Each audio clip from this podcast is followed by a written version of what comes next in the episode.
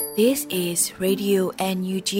the voice of National Unity Government of Myanmar, broadcasting for Myanmar's Spring Revolution. Radio NUG is transmitting from shortwave 16 meter 17.79 megahertz at 8:30 a.m. and 25 meter 11.94 megahertz at 8:30 p.m. Myanmar Standard Time. မင်္ဂလာပါရှင်အမျိုးသားညီညွတ်ရေးအစိုးရရဲ့အတန်လွတ်ဌာန Radio NUG ကိုမန္တပိုင်း၈နိုင်ခွဲမှာလိုင်းတူ6မီတာ19.3ခွန်ကုန်းမဂါဟတ်စ်နဲ့ညပိုင်း၈နိုင်ခွဲမှာလိုင်းတူ25မီတာ17.3ကိုလီမဂါဟတ်စ်တို့မှာဓာတ်ရိုက်ဖမ်းယူနားဆင်နိုင်ပါပြီရှင်မင်္ဂလာအပေါင်းနဲ့ပြည့်စုံကြပါစေ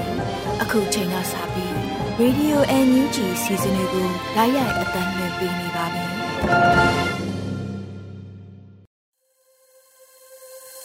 မြန်မာနိုင်ငံသူနိုင်ငံသားအပေါင်းတဘာဝဘေးဆေးဟနာရှင်ဘေးတို့ကနေကင်းဝေးပြီးကိုစိတ်နှပါဘေးကင်းလုံခြုံကြပါစေလို့ရေဒီယိုညူချီခွဲသားများကဆုတောင်းမြတ်တာပို့သလိုက်ရပါတယ်ရှင်။အခုချိန်ကစပြီးကာကွယ်ရေးဝန်ကြီးဌာနရဲ့စီရေးသတင်းချင်းချုပ်ကိုတော့ຫນွေဦးမိုးမှဖတ်ကြားတင်ပြပေးပါရမရှင်။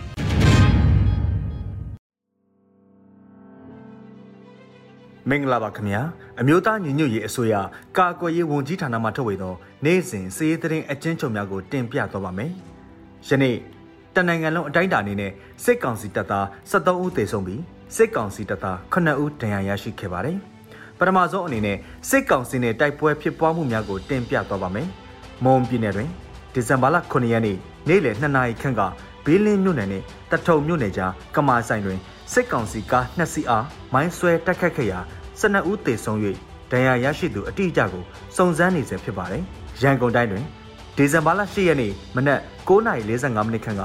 မြောက်ကလာပါမြို့နယ်အမှတ်3လမ်းဆောင်ရှိစစ်ကောင်စီတပ်သားနှင့်ရဲစုပေါင်းစစ်ဆေးရေးကိတ်ကို Black Fox YGN အဖွဲ့မှအဝေးထိန်ပုံဖြင့်ဖောက်ခွဲတိုက်ခိုက်ရာရင်ထိရဲတဦးသေဆုံးပြီးစစ်ကောင်စီတပ်သားနှင့်ရဲ9ဦးထိခိုက်ဒဏ်ရာရက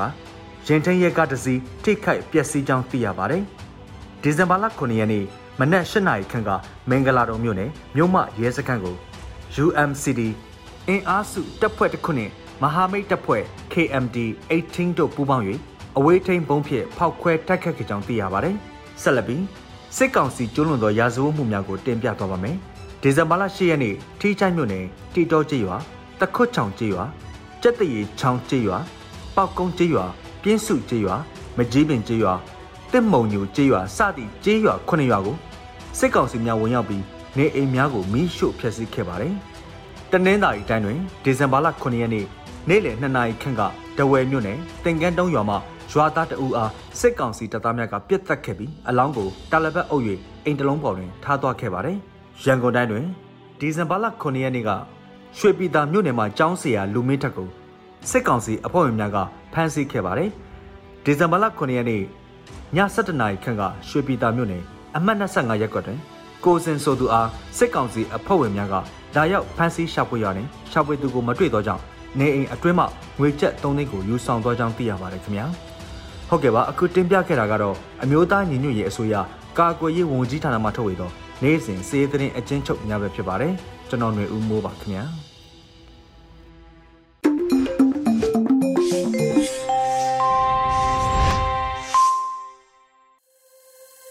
ဗီဒီယိုညွှန်ချီရဲ့မနက်ခင်းစီစဉ်တွေကိုဆက်လက်တင်ပြနေပါတယ်။အခုဆက်လက်ပြီးနောက်ဆုံးရသတင်းများကို Sordes လူနေမှဖတ်ကြားတင်ပြပေးပါရမရှင်။မင်္ဂလာပါ။အခုချိန်ရစပြီးမနက်ပိုင်းပြည်တွင်သတင်းများကိုစတင်တင်ပြပေးသွားပါမယ်။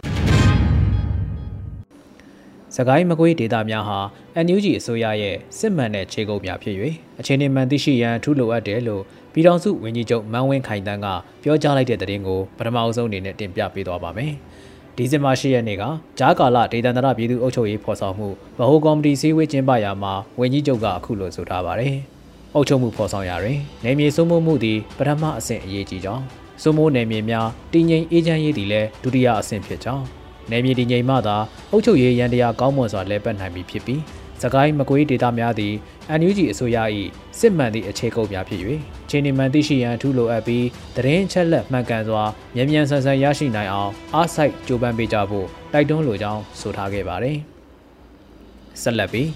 တက်ရောက်လာကြတဲ့ဂျားကာလဒေသန္တရပြည်သူ့အုပ်ချုပ်ရေးဖော်ဆောင်မှုဗဟိုကော်မတီဖွဲ့ဝင်များမှ39မြင်းဆောင်2022တွင်ချမှတ်ထားသောဆုံးဖြတ်ချက်များရှေ့လုပ်ငန်းစဉ်များနှင့်ပတ်သက်၍ပြီးစီးမှုအခြေအနေများနှင့် ဆက်လက်ဆောင်ရွက်ရန်ကြံရှိနေသည့်လုပ်ငန်းစဉ်များကိုရှင်းလင်းပြသခဲ့ကြပါသည်။အစည်းအဝေးကိုဂျားကာလဒေသန္တရပြည်သူ့အုပ်ချုပ်ရေးဖော်ဆောင်မှုဗဟိုကော်မတီဥက္ကဋ္ဌ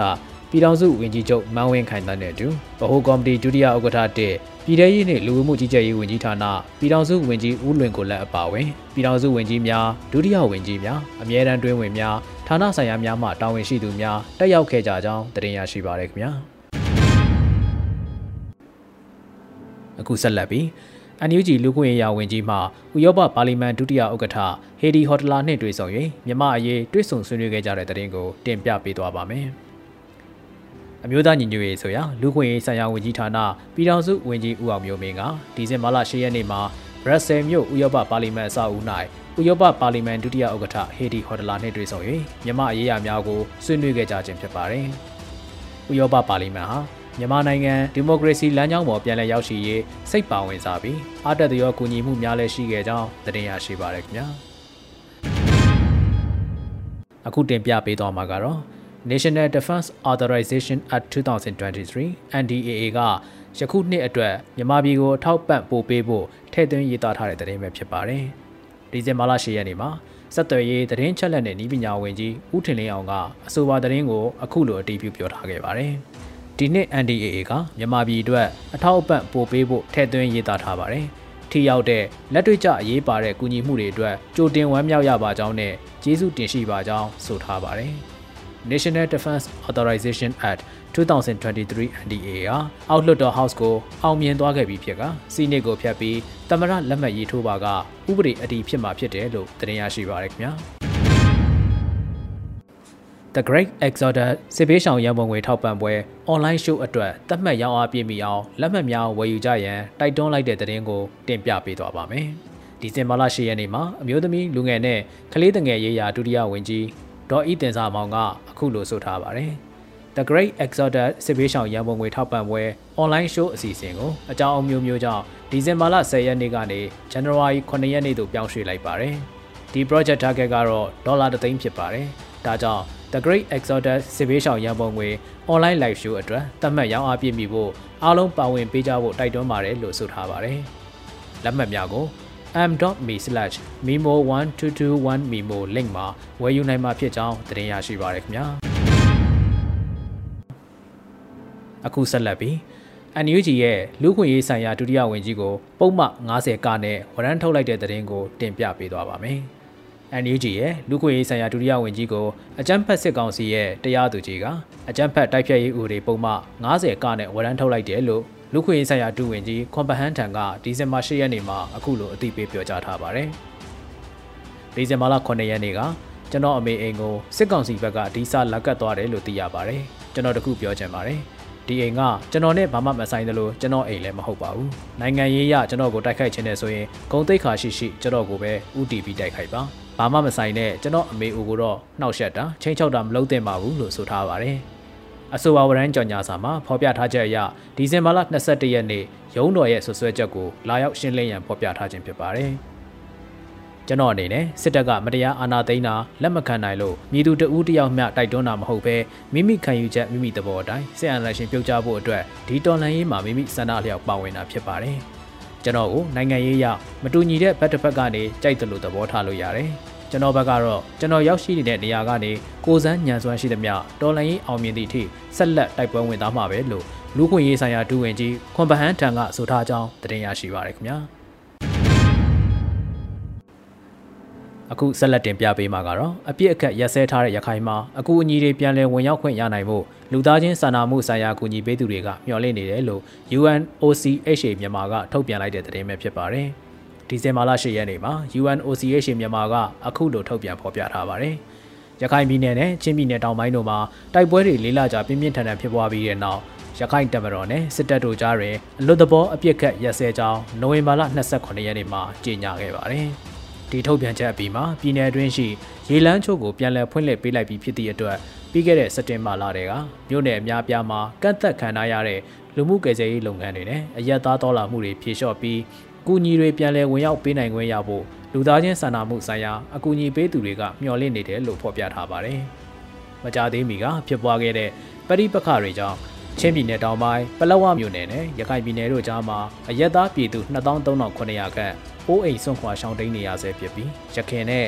လက်ရှိပရိပခတွေကြောင့်နေရက်ဆွန့်ခွာသူဦးရေစုစုပေါင်း98,500ကျော်ရှိလာပြီဖြစ်ကြောင်းနိုဝင်ဘာ28ရက်နေ့အထိကိန်းဂဏန်းတွေအရသိရှိရတယ်လို့သတင်းရရှိပါရခင်ဗျာ။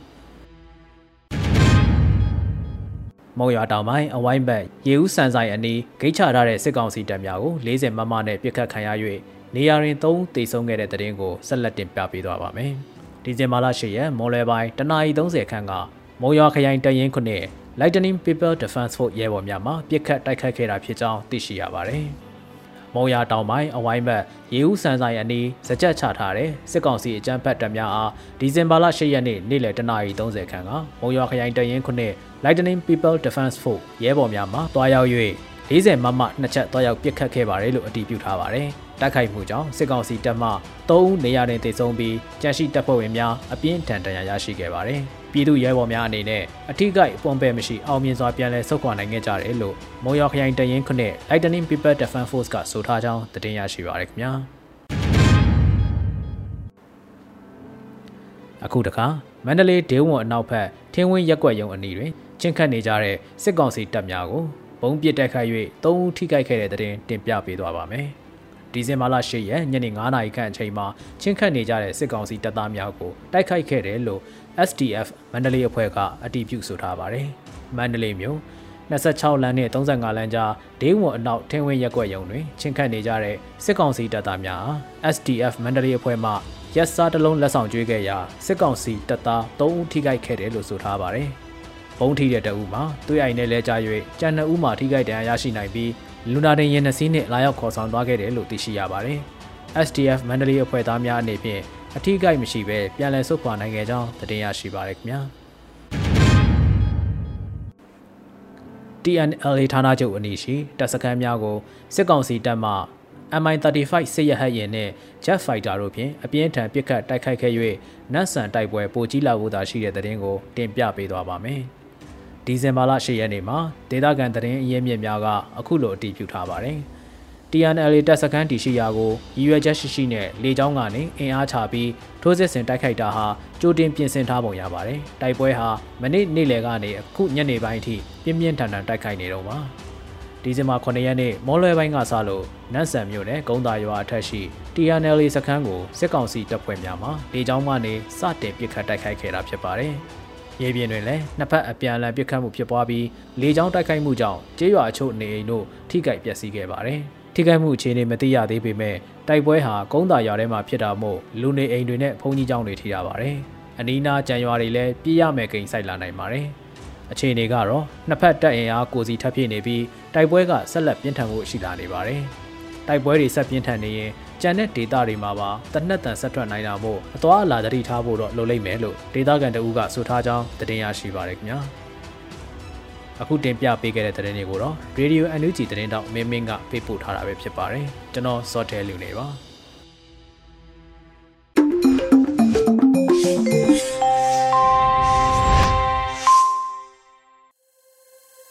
ရေဒီယိုအန်ယူဂျီမှာဆက်လက်တင်ပြနေပါတယ်။အခုနားဆင်ကြရမှာကတော့လူခွင့်ရေးဆိုင်ရာဝန်ကြီးဌာနရဲ့ဥပဒေမဲ့တပ်ဖြတ်ခြင်းလူခွင့်ရေးစကားသံအစီအစဉ်ကိုနားဆင်ကြရတော့မှာဖြစ်ပါတယ်ရှင်။ လူခွင့်ရေးနဲ့လူခွင့်ရေးအကြောင်းတွေသိရှိဖို့လူခွင့်ရေးစကားသံကိုလူခွင့်ရေးဝန်ကြီးဌာနနဲ့ပူးပေါင်းတင်ဆက်သွားမှာဖြစ်ပါတယ်။ဒီတစ်ပတ်မှာတော့ဥပဒေမဲ့တပ်ဖြတ်ခြင်းဆိုတဲ့အကြောင်းအရာကိုဆွေးနွေးတင်ပြသွားမှာဖြစ်ပါတယ်။အသက်ရှင်တန်ပိုင်ခွင့်ကကဘာပေါ်မှာရှိတဲ့လူသားအလုံးရဲ့အခြေခံအကျဆုံးအခွင့်အရေးဖြစ်ပါတယ်။နိုင်ငံတိုင်းမှာရှိတဲ့အစိုးရတွေဟာနိုင်ငံသားတွေရဲ့အသက်ရှင်ခွင့်နဲ့လုံခြုံမှုကိုခံစားရရှိစေဖို့အတွက်နီလန်းမျိုးစုံသုံးပြီးတော့မှအာမခံကာကွယ်ပေးရမှာဖြစ်ပါတယ်။အခုຫນွေဥတော်လိုင်းရေးကာလမှာတော့ လူအသက်တွေကိုအာနာလောက်တန်ဖိုးမထားတဲ့လူတွေကတန်ဖိုးရှိလာတဲ့လူအသက်တွေကိုကြက်ကလေးညက်ကလေးတွေတက်တယ်လို့စိတ်ထင်တိုင်းဥပဒေမဲ့တက်ဖြတ်နေကြပါတယ်အပြစ်ပြီးဆိုင်ရာလူခွင့်ရေးကြေညာစာတမ်းအပိုက်3မှာလူတိုင်းအသက်ရှင်ခွင့်လုံခြုံခွင့်ရှိတယ်လို့ဖော်ပြထားတယ်။နိုင်ငံတကာပြည်သူအခွင့်အရေးနဲ့နိုင်ငံရေးအခွင့်အရေးဆိုင်ရာသဘောတူစာချုပ်အပိုက်6မှာတော့ လူတိုင်းအသက်ရှင်ရည်တည်ပိုင်ခွင့်ရှိတယ်လို့ဖော်ပြထားတယ်။ကြေညာစာတမ်းတွေစာချုပ်တွေထဲမှာဘလို့ပဲဖော်ပြထားတာအာနာကိုသူ့မတူအောင်ယူနေတဲ့သူတွေကတော့လိုက်နာရခေါင်းမှန်းမသိပါဘူးလူတွေရဲ့အသက်ရှင်ရည်တည်ပိုင်ခွင့်ကိုကာကွယ်ပေးရမယ့်အစားဥပဒေမဲ့တပ်ဖြတ်မှုတွေကိုသာကြက်ကြဲပြန့်ပြန့်ကျူးလွန်နေကြပါတယ်ဥပဒေမဲ့တပ်ဖြတ်တယ်ဆိုတာကတော့လက်နဲ့ ပါဝါဓမ္မမဟုတ်ရင်အင်အားတစုံတရာရှိသူတဦးတယောက်ဓမ္မမဟုတ်လို့ရှိရင်တစုတစ်ဖွဲ့ကခိုင်လုံတဲ့တက်တဲ့အထောက်အထားမရှိဘဲနဲ့အပြစ်မဲ့အယက်သားပြည်သူတွေကိုဥပဒေမဲ့စိတ်ထင်တိုင်းတက်ဖြတ်တာကိုဆိုလိုတာဖြစ်ပါတယ်လက်ရှိဒီဒေါ်လာရေးကာလမှာကြုံတွေ့နေရတဲ့ဥပဒေမဲ့တက်ဖြတ်တဲ့ပုံစံတွေကတော့အယက်သားပြည်သူတွေကိုရရဆက်ဆက်တနက်နဲ့ပြတ်တက်တာညှဉ်းပန်းနှိပ်စက်ပြီးတော့ပြတ်တက်တာအရှင်လက်လက်မီရှိုးတက်ဖြတ်တာ လေပင်လှီးပြီးတော့မှတက်ဖြတ်တာတွေအပါအဝင်အစုလိုက်အပြုံလိုက်တက်ဖြတ်တာတွေပဲဖြစ်ပါတယ်။အဲ့ဒီအပြင်အယက်သားပြည်သူတွေရှိတဲ့နေရာတွေကိုပြတ်မှတ်ထားပြီးရည်ရွယ်ချက်ရှိရှိဘုံကျဲတိုက်ခိုက်တာလက်နက်ကြီးနဲ့ပြက်တာတွေအပါအဝင်ဒါစုလက်နက်တွေသုံးပြီးတော့တိုက်ခိုက်တာဥပဒေပြဋ္ဌာန်းချက်တဲ့ကြော်လွယ်ပြီးတော့တည်တံစီရင်ချက်ချတဲ့ပုံစံတွေပဲဖြစ်ပါတယ်။ အကြမ်းဖက်ဆက်ကောင်စင်နဲ့လက်ပါစီတွေဟာမေလ17ရက်နေ့ကရမပင်မြို့နယ်မုံတိုင်ပင်ကြီးရွာမှာပြည်သူ29ဦးကိုလက်ပြန်ကြိုးတုပ်ဖမ်းဆီးပြီးအစုလိုက်အပြုံလိုက်တပ်ဖြတ်ခဲ့ကြပါတယ်။ဇွန်လ6ရက်နေ့ကစကိုင်းတိုင်းမြင်းမှုမြို့နယ်ကံဖျားရွာမှာအယက်သားပြည်သူ17ဦးကိုအစုလိုက်အပြုံလိုက်တပ်ဖြတ်ခဲ့ပါတယ်။အဲ့ဒီ17ဦးတွေက6ဦးကတော့ လေကွင်းထဲမှာပြေးခိုင်းပြီးနောက်ကနေရဲရဲဆက်ဆက်တနက်နဲ့ပြတ်သက်ခြင်းကိုခံခဲ့ရပါတယ်။နောက်ထပ်၃ဦးကတော့ခေါင်းပေါ်မှာလက်တင်ခိုင်းပြီးတော့ရဲရဲဆက်ဆက်တနက်နဲ့ပြတ်သက်ခဲ့ပါတယ်။နောက်ထပ်၂ဦးကတော့မိရှုခံရတဲ့ဓမ္မယုံထဲမှာတပ်ဖြတ်ခံခဲ့ကြရတာဖြစ်ပါတယ်။ ဇွန်လ30ရက်နေ့မှာတော့ချင်းပြည်နယ်ဖလန်းမြို့နယ်ဘားလုံကျေးရွာမှာအသက်63နှစ်အရွယ်အမေအိုကိုတနက်နဲ့ပြစ်တက်ခဲ့ကြပြီးဇူလိုင်လ2ရက်နေ့မှာလန်စောကျေးရွာကအောက်ပိုင်းတည်နေတဲ့အမျိုးသားတပ်ဦးကိုလည်းပြစ်တက်ခဲ့ကြပါတယ်။ဇူလိုင်လ10ရက်နေ့မနေ့မှာစကိုင်းတိုင်းပလဲမြို့နယ်တောင်တက်ကျွေးရတဲ့ကိုစက်ကောင်စစ်တပ်တွေဝင်လာလို့တရွာလုံးထွက်ပြေးတိမ်းရှောင်ကြစဉ် ညနေ3နာရီလောက်မှာတော့စက်ကောင်စီတပ်တွေပြန်သွားလောက်ပြီးထင်ပြီးအိမ်မှာကြံရက်ခဲ့တဲ့အိမ်မွေးတရိတ်ဆန်တွေကိုအစာကျွေးဖို့ပြန်လာတဲ့အမျိုးသမီး3ဦးနဲ့အမျိုးသား2ဦးကိုပြစ်တက်ခဲ့ကြပါတယ်။အဲ့ဒီဇူလိုင်လ10ရက်နေ့မှာပဲမကွေးတိုင်းမြိုင်မြို့နယ်နဲ့ ပေါက်မြို့နယ်အဆက်မှာစက်ကောင်စီတပ်တွေကအပြစ်မဲ့အယက်သားပြည်သူ9ဦးကိုလယ်ပင်ကိုကျိုးဆွပြီးစက်ကားနဲ့တရွက်တိုက်ဆွဲတပ်ဖြတ်ခဲ့တာကြောင့်ပွဲချင်းပြီးတည်ဆုံခဲ့ပါတယ်။ဒီတရင်တွေကိုကြည့်လိုက်မယ်ဆိုလို့ရှိရင်အကြမ်းဖက်စက်ကောင်စီဟာနေ့စဉ်နဲ့အမျှဥပဒေမဲ့တပ်ဖြတ်မှုတွေကိုကျူးလွန်နေတယ်ဆိုတာကိုတွေ့မြင်နိုင်မှာဖြစ်ပါတယ်။အခုလိုပြည်သူလူထုတွေအပေါ်ရရဆက်ဆက်ဥပဒေမဲ့တက်ဖြတ်နေကြတဲ့စက်ကောင်စီနဲ့အပေါင်းပါတွေကိုအရေးယူနိုင်ဖို့နဲ့နောက်တစ်ချိန်မှာတရားမျှတမှုကိုဖော်ဆောင်နိုင်ဖို့အတွက်လူခွင့်ရေးချိုးဖောက်မှုမှတ်တမ်းတွေကိုစနစ်တကျကောက်ယူထားကြဖို့လိုပါတယ်။လက်တလောအချိန်တွေမှာတော့အကြမ်းဖက်စက်ကောင်စီအပေါ်နိုင်ငံတကာဖိအားတွေတိုးလာဖို့နဲ့အရေးယူနိုင်ဖို့အတွက်နိုင်ငံတကာရန်တရားတွေမှာတိုင်ကြားဖို့အတွက်ကြိုးပမ်းနေကြပါတယ်။ ကိုပတ်ဝန်းကျင်မှာကြုံတွေ့နေရတဲ့လူခွင့်ရေးချိုးဖောက်မှုတွေကိုမှတ်တမ်းကောက်ယူထားပြီးလူခွင့်ရေးဝင်ကြီးဌာနအပါအဝင်လူခွင့်ရေးမှတ်တမ်းကောက်ယူနေတဲ့အဖွဲ့အစည်းတွေကိုပေးပို့ပြီးတော်လန်ရေးမှာနိုင်တဲ့ဘက်ကပါဝင်ကြဖို့နှိုးဆော်တိုက်တွန်းလိုက်ပါတယ်ရှင်။။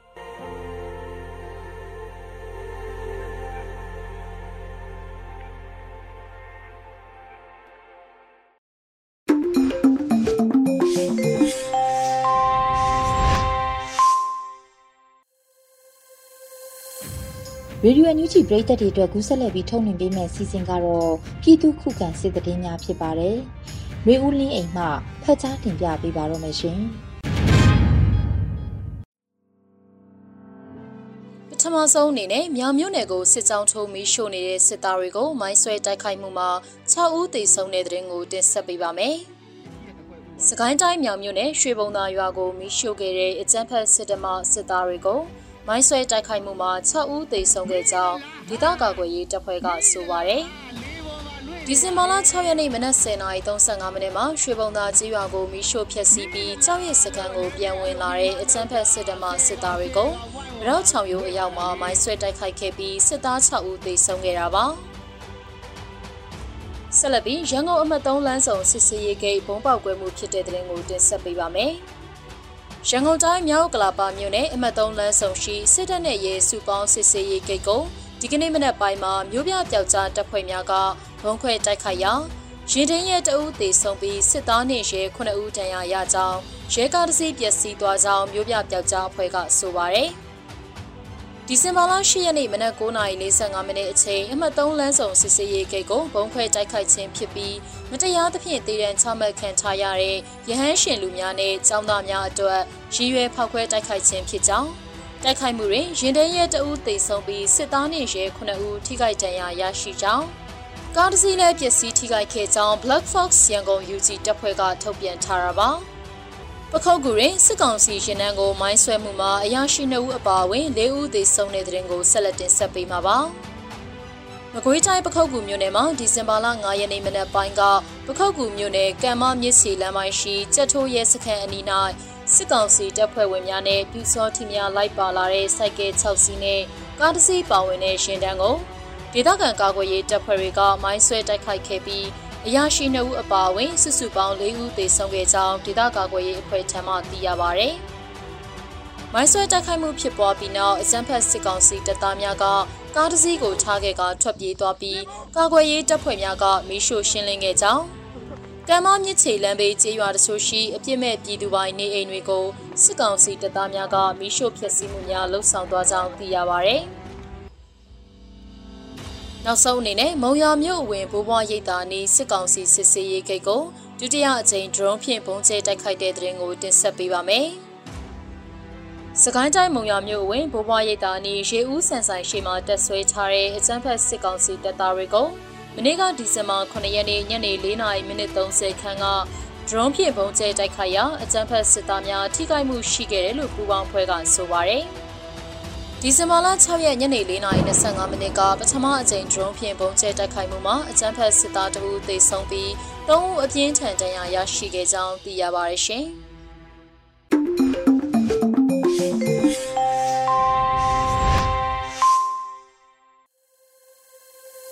ဗီဒီယိုအန်ယူဂျီပရိသတ်တွေအတွက်ကူးဆက်လက်ပြီးထုတ်လွှင့်ပေးမယ့်အစီအစဉ်ကတော့ PPTV ရဲ့နေ့စဉ်သတင်းများဖြစ်ပါတယ်။ Rain မှဖတ်ကြားတင်ပြပေးပါမယ်ရှင်။ အခုချိန်ကစပြီး PPTV သတင်းတွေကိုတင်ဆက်ပေးတော့မှာပါကျွန်မရိမ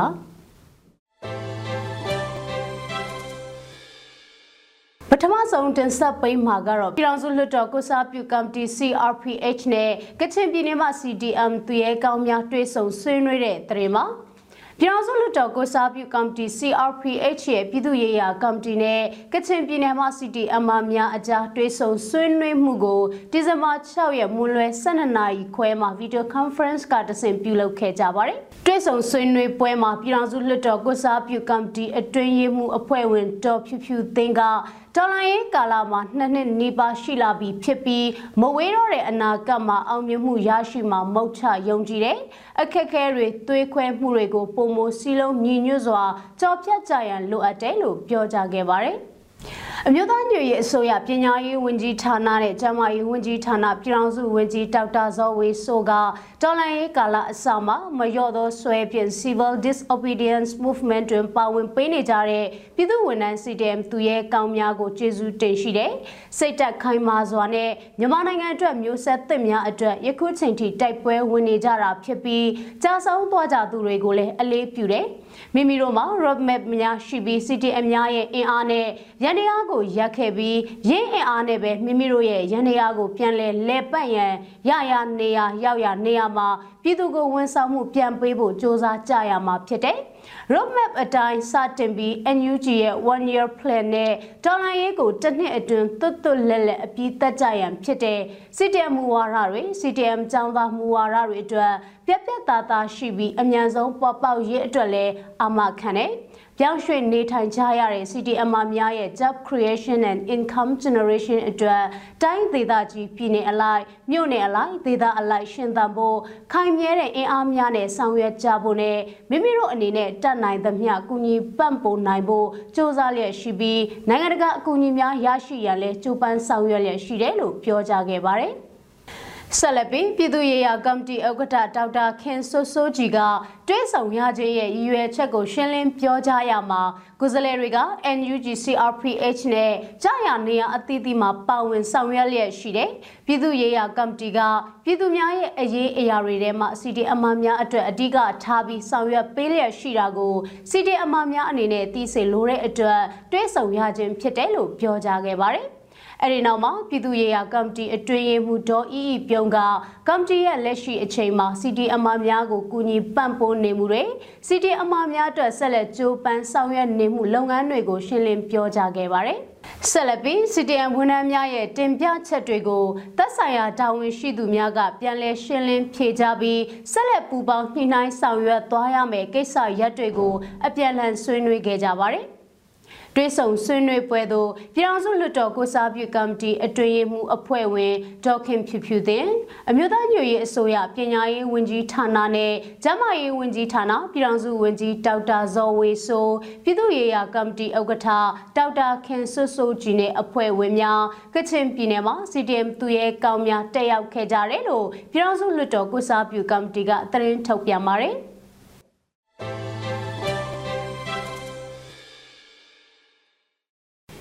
ဆက်လက်တင်ဆက်ပေးမှာကတော့မြမရေနံနဲ့တဘာဝတောင်းငွေလုပ်ငန်းကိုအများဆုံးအရေးယူပိတ်ဆို့ဓာတ်ဆီမှုတွေလုပ်ဖို့အတွက်အမေရိကန်အစိုးရကိုအဖွဲ့အစည်း366ဖွဲ့ကလက်မှတ်ရေးထိုးတောင်းဆိုတဲ့သတင်းမှာ အမေရိကန်အစိုးရအနေနဲ့အကြမ်းဖက်စစ်ကောင်စီကိုအရေးယူတန်ခတ်မှုမပြုလုပ်သေးပဲစင်ချေပေးနေတာတွေကိုရပ်တက်ပြီးမြန်မာရေနံနဲ့သဘာဝတက်ငွေလုပ်ငန်းကိုအမြန်ဆုံးအရေးယူပိတ်ဆို့တားဆီးမှုတွေလှုပ်ဆောင်ဖို့လိုအပ်နေပြီဖြစ်တဲ့အကြောင်းအမေရိကန်အစိုးရကိုအဖွဲ့အစည်း366ဖွဲ့ကလက်မှတ်ရေးထိုးတောင်းဆိုလိုက်ပါတယ်။ ဒါပြင်အိတ်ဖွင့်ပေးစာထဲမှာအမေရိကန်အစိုးရအနေနဲ့စောင့်ကြည့်လေးလာရေးမဟာဗျူဟာလှုံ့ဆော်နေရမယ့်အစားမဟာမိတ်များနဲ့အတူအကြမ်းဖက်စစ်အုပ်စုရဲ့သွေးချောင်းစီးနေတဲ့အာဏာသိမ်းမှုကိုရပ်တန့်ရန်အတိတ်ပဲရှိတဲ့လှုံ့ဆော်ချက်များကိုအာသွန်ခွန်ဆိုင်လှုံ့ဆော်ရမယ့်အချိန်ဖြစ်တဲ့ဆိုပြီးတော့လည်းဖော်ပြထားပါတယ်။ အိတ်ဖွင့်ပေးစာထဲမှာအချက်၃ချက်ကိုတောင်းဆိုထားပြီးအဲ့ဒါတွေကတော့အရေးယူပိတ်ဆို့ဒဏ်ခတ်တဲ့နီလန်အန်အသုံးပြုပြီးစစ်အုပ်စုထံစီးဝင်နေတဲ့ဓာတ်ငွေမှဝင်ငွေများကိုရန်တက်သွားစေရတဲ့အဲ့ဒီဝင်ငွေများကိုနိုင်ငံတကာကအတိအမှတ်ပြုတရားဝင်တဲ့အစိုးရကိုပေးဆောင်ရေးအတွက်ထိမ့်သိမ်းထားနိုင်ရန်အခြားသူများနဲ့ပူးပေါင်းစီစဉ်ထားပေးရန်ဖြစ်ပါတယ်။ ဒါပြင်အမေရိကန်နိုင်ငံဗဏ္ဍာရေးဌာနရဲ့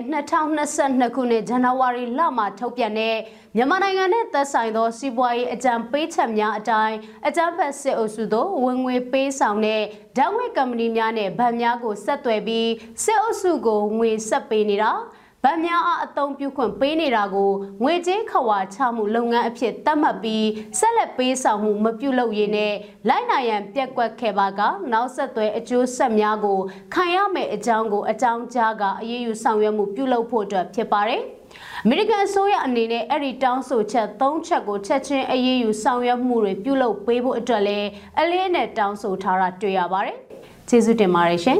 ။တရားမှုကိုစန့်ကျင်သောတွေ ဥ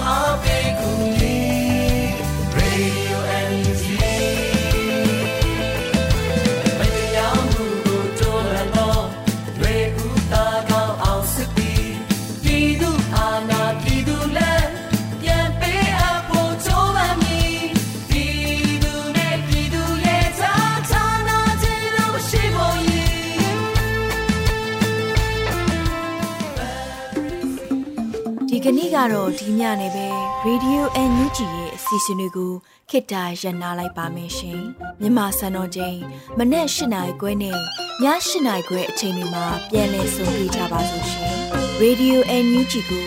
မနေ့ပိုင်း၈နိုင်ခွဲမှာလိုင်းတူ16မီတာ19.7 MHz နဲ့ညပိုင်း၈နိုင်ခွဲမှာလိုင်းတူ25မီတာ17.6 MHz တို့မှာဓာတ်ရိုက်ဖမ်းယူနာဆင်နိုင်ပါပြီရှင်။ မြန်မာနိုင်ငံသူနိုင်ငံသားများကိုစိတ်နှဖျားစမ်းမချမ်းသာလို့ဘေးကင်းလုံခြုံကြပါစေလို့ Radio NUG ရဲ့ဖွဲ့သူဖွဲ့သားများကဆုတောင်းလိုက်ရပါတယ်။ San Francisco Bay Area အခြေစိုက်မြန်မာမိသားစုများနိုင်ငံတကာကစေတနာရှင်များလို့အားပေးကြရဲ့ Radio NUG ဖြစ်ပါတယ်ရှင်။အရေးတော်ပုံအောင်ရမည်